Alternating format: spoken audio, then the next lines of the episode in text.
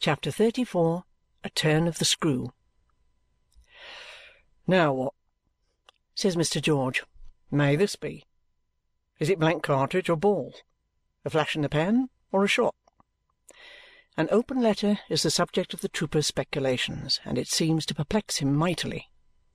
He looks at it at arm's length, brings it close to him, holds it in his right hand, holds it in his left hand, reads it with his head on this side, with his head on that side, contracts his eyebrows, elevates them, still cannot satisfy himself.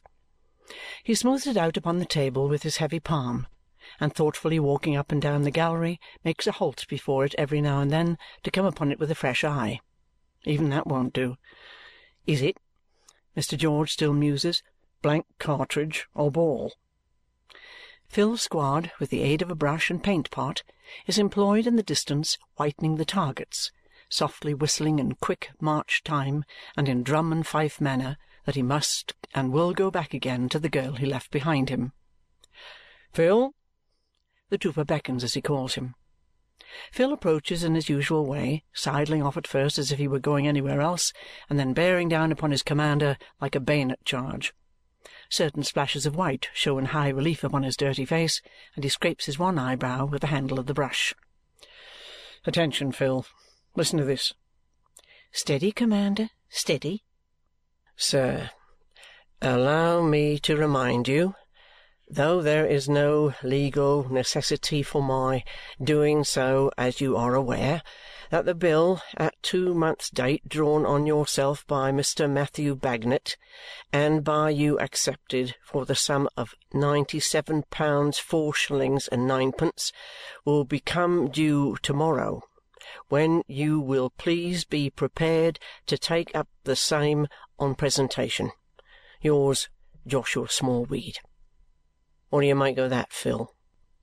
Mischief, guv'ner. Why? I think, replies Phil after pensively tracing out a cross wrinkle in his forehead with the brush handle, that mischievous consequences is always meant when money's asked for. Look'ee, Phil, said the trooper, sitting on the table. First and last, I have paid, I may say, half as much again as this principal and interest in one thing and another. Phil intimates by sidling back a pace or two with a very unaccountable wrench of his wry face that he does not regard the transaction as being made more promising by this incident. And look'ee further, Phil, says the trooper, staying his premature conclusions with a wave of his hand. There has always been an understanding that this bill was to be what they call renewed, and it has been renewed no end of times. What do you say now? I say I think the time has come to an end at last. You do? Hmm. I am much of the same mind myself. Joshua Smallweed is him that was brought here in a chair? The same. Governor, says Phil with exceeding gravity, he's a leech in his dispositions. He's a screw and a wice in his actions, a snake in his twistings and a lobster in his claws. Having thus expressively uttered his sentiments, Mr. Squod, after waiting a little to ascertain if any further remark be expected of him, gets back by his usual series of movements to the target he has in hand and vigorously signifies through his former musical medium that he must and he will return to that ideal young lady. George, having folded the letter, walks in that direction. "There IS a way, commander," says Phil, looking cunningly at him, "of settling this. Paying the money, I suppose? I wish I could." Phil shakes his head. "No, governor, no. Not so bad as that. There is a way," says Phil with a highly artistic turn of his brush. "What I'm a doing at present." "Whitewashing?" Phil nods. A pretty way that would be! Do you know what would become of the Bagnets in that case? Do you know they would be ruined to pay off my old scores? You're a moral character," says the trooper, eyeing him in his large way with no small indignation. "Upon my life you are, Phil!" Phil, on one knee at the target, is in course of protesting earnestly, though not without many allegorical scoops of his brush and smoothings of the white surface round the rim with his thumb, that he had forgotten the Bagnet responsibility and would not so much as injure a hair of the head of any member of that worthy family, when steps are audible in the long passage without, and a cheerful voice is heard to wonder whether George is at home. Phil, with a look at his master, hobbles up, saying, "Here's the governor, Mrs. Bagnet. Here he is!" And the old girl herself, accompanied by Mr. Bagnet, appears. The old girl never appears in walking trim, in any season of the year, without a grey cloth cloak, coarse and much worn, but very clean, which is, undoubtedly, the identical garment rendered so interesting to Mr. Bagnet by having made its way home to Europe from another quarter of the globe in company with Mrs. Bagnet and an umbrella. The latter faithful appendage is also invariably a part of the old girl's presence out of doors. It is of no colour known in this life and has a corrugated wooden crook for a handle with a metallic object let into its prow or beak resembling a little model of a fanlight over a street door or one of the oval glasses out of a pair of spectacles, which ornamental object has not that tenacious capacity of sticking to its post that might be desired in an article long associated with the British army. The old girl's umbrella is of a flabby habit of waist and seems to be in need of stays, an appearance that is possibly referable to its having served through a series of years at home as a cupboard and on journeys as a carpet-bag. She never puts it up, having the greatest reliance on her well-proved cloak with its capacious hood, but generally uses the instrument as a wand with which to point out joints of meat or bunches of greens in marketing or to arrest the attention of tradesmen by a friendly poke. Without her market basket, which is a sort of wicker well with two flapping lids, she never stirs abroad. Attended by these her trusty companions, therefore, her honest sunburnt face looking cheerily out of a rough straw bonnet, Mrs. Bagnet now arrives, fresh-coloured and bright, in George's shooting-gallery. "Well, George, old fellow," says she, "and how do you do this sunshiny morning?" Giving him a friendly shake of the hand, Mrs. Bagnet draws a long breath after her walk and sits down to enjoy a rest having a faculty, matured on the tops of baggage-waggons and in other such positions, of resting easily anywhere she perches on a rough bench, unties her bonnet strings, pushes back her bonnet, crosses her arms, and looks perfectly comfortable. Mr. Bagnet in the meantime has shaken hands with his old comrade and with Phil, on whom Mrs. Bagnet likewise bestows a good-humoured nod and smile. "Now, George," said Mrs. Bagnet briskly, "here we are, Lignum and myself. She often speaks of her husband by this appellation, on account, as it is supposed, of lignum vitae having been his old regimental nickname when they first became acquainted, in compliment to the extreme hardness and toughness of his physiognomy. Just looked in, we have, to make it all correct as usual about that security. Give him the new bill to sign, George, and he'll sign it like a man. I was coming to you this morning, observes the trooper reluctantly. Yes, we thought you'd come to us this morning, but we turned out early and left Woolwich, the best of boys, to mind his sisters and came to you instead, as you see. For Lignum, he's tied so close now and gets so little exercise that a walk does him good. Well, what's the matter, George? asked Mrs. Bagnet, stopping in her cheerful talk. You don't look yourself.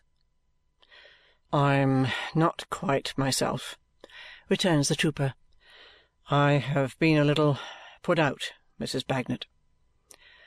Her bright, quick eye catches the truth directly.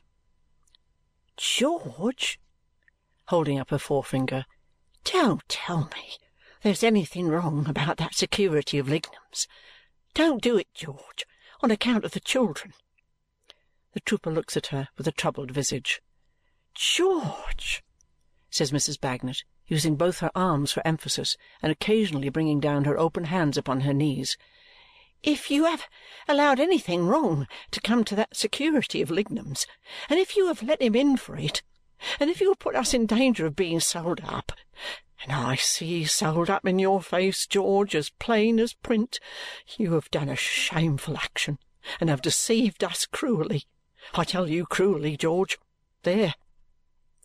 Mr. Bagnet, otherwise as immovable as a pump or a lamp-post, puts his large right hand on the top of his bald head as if to defend it from a shower-bath and looks with great uneasiness at Mrs. Bagnet. "George," says that old girl, "I wonder at you, George. I am ashamed of you. George, I couldn't have believed you would have done it. I always knew you to be a rolling stone that gathered no moss, but I never thought you would have taken away that what little moss there was for Bagnet and the children to lie upon. You know what a hard-working, steady-going chap he is. You know what Quebec and Malta and Woolwich are, and I never did think you would, or could, have had the heart to serve us so. Oh, George!" Mrs. Bagnet gathers up her cloak to wipe her eyes on in a very genuine manner. "How could you do it?" Mrs. Bagnet ceasing, Mr. Bagnet removes his hand from his head as if the shower bath were over and looks disconsolately at Mr. George, who has turned quite white and looks distressfully at the grey cloak and straw bonnet. "Mat," says the trooper in a subdued voice, addressing him, but still looking at his wife, "I am sorry you take it so much to heart, because I do hope it's not so bad as that comes to. I certainly have, this morning, received this letter," which he reads aloud, "but I hope it may be set right yet. As to a rolling stone, why, what you say is true. I am a rolling stone, and I never rolled in anybody's way, I fully believe, that I rolled the least good to. But it's impossible for an old vagabond comrade to like your wife and family better than I like 'em, Mat, and I trust you'll look upon me as forgivingly as you can. Don't think I've kept anything from you. I haven't had the letter more than a quarter of an hour." "Old girl," murmurs Mr. Bagnet after a short silence, "will you tell 'em my opinion?" "Oh! Why didn't he marry," Mrs. Bagnet answers, half laughing and half crying, "Joe Pouch's widow in North America, and he wouldn't have got himself into these troubles?" "The old girl," says Mr. Bagnet, "puts it correct. Why didn't you?" "Well! She has a better husband by this time, I hope," returns the trooper. "Anyhow, here I stand this present day, not married to Joe Pouch's widow. What shall I do? You see all I've got about me. It's not mine. It's yours. Give the word, and I'll sell off every morsel. If I could have hoped it would have brought in nearly the sum wanted, I'd have sold all long ago. Don't believe that I leave you or yours in the lurch, Mat. I'd sell myself first. I only wish," says the trooper, giving himself a disparaging blow in the chest, "that I knew of any one who'd buy such a second-hand piece of old stores." "Old girl," murmurs Mr. Bagnet, "give him another bit of my mind." "George," says the old girl, "you are not so much to be blamed, on full consideration, except for ever taking this business without the means. "And that was like me," observes the penitent trooper, shaking his head. "Like me, I know." "Silence! The old girl," says Mr. Bagnet, "is correct in her way of giving my opinions. Hear me out." That was when you never ought to have asked for the security, George, and when you never ought to have got it, all things considered. But what's done can't be undone. You are always an honourable and straightforward fellow as far as lays in your power, though a little flighty. On the other hand, you can't admit but what it's natural in us to be anxious with such a thing hanging over our heads. So forget and forgive all round, George. Come, forget and forgive all round.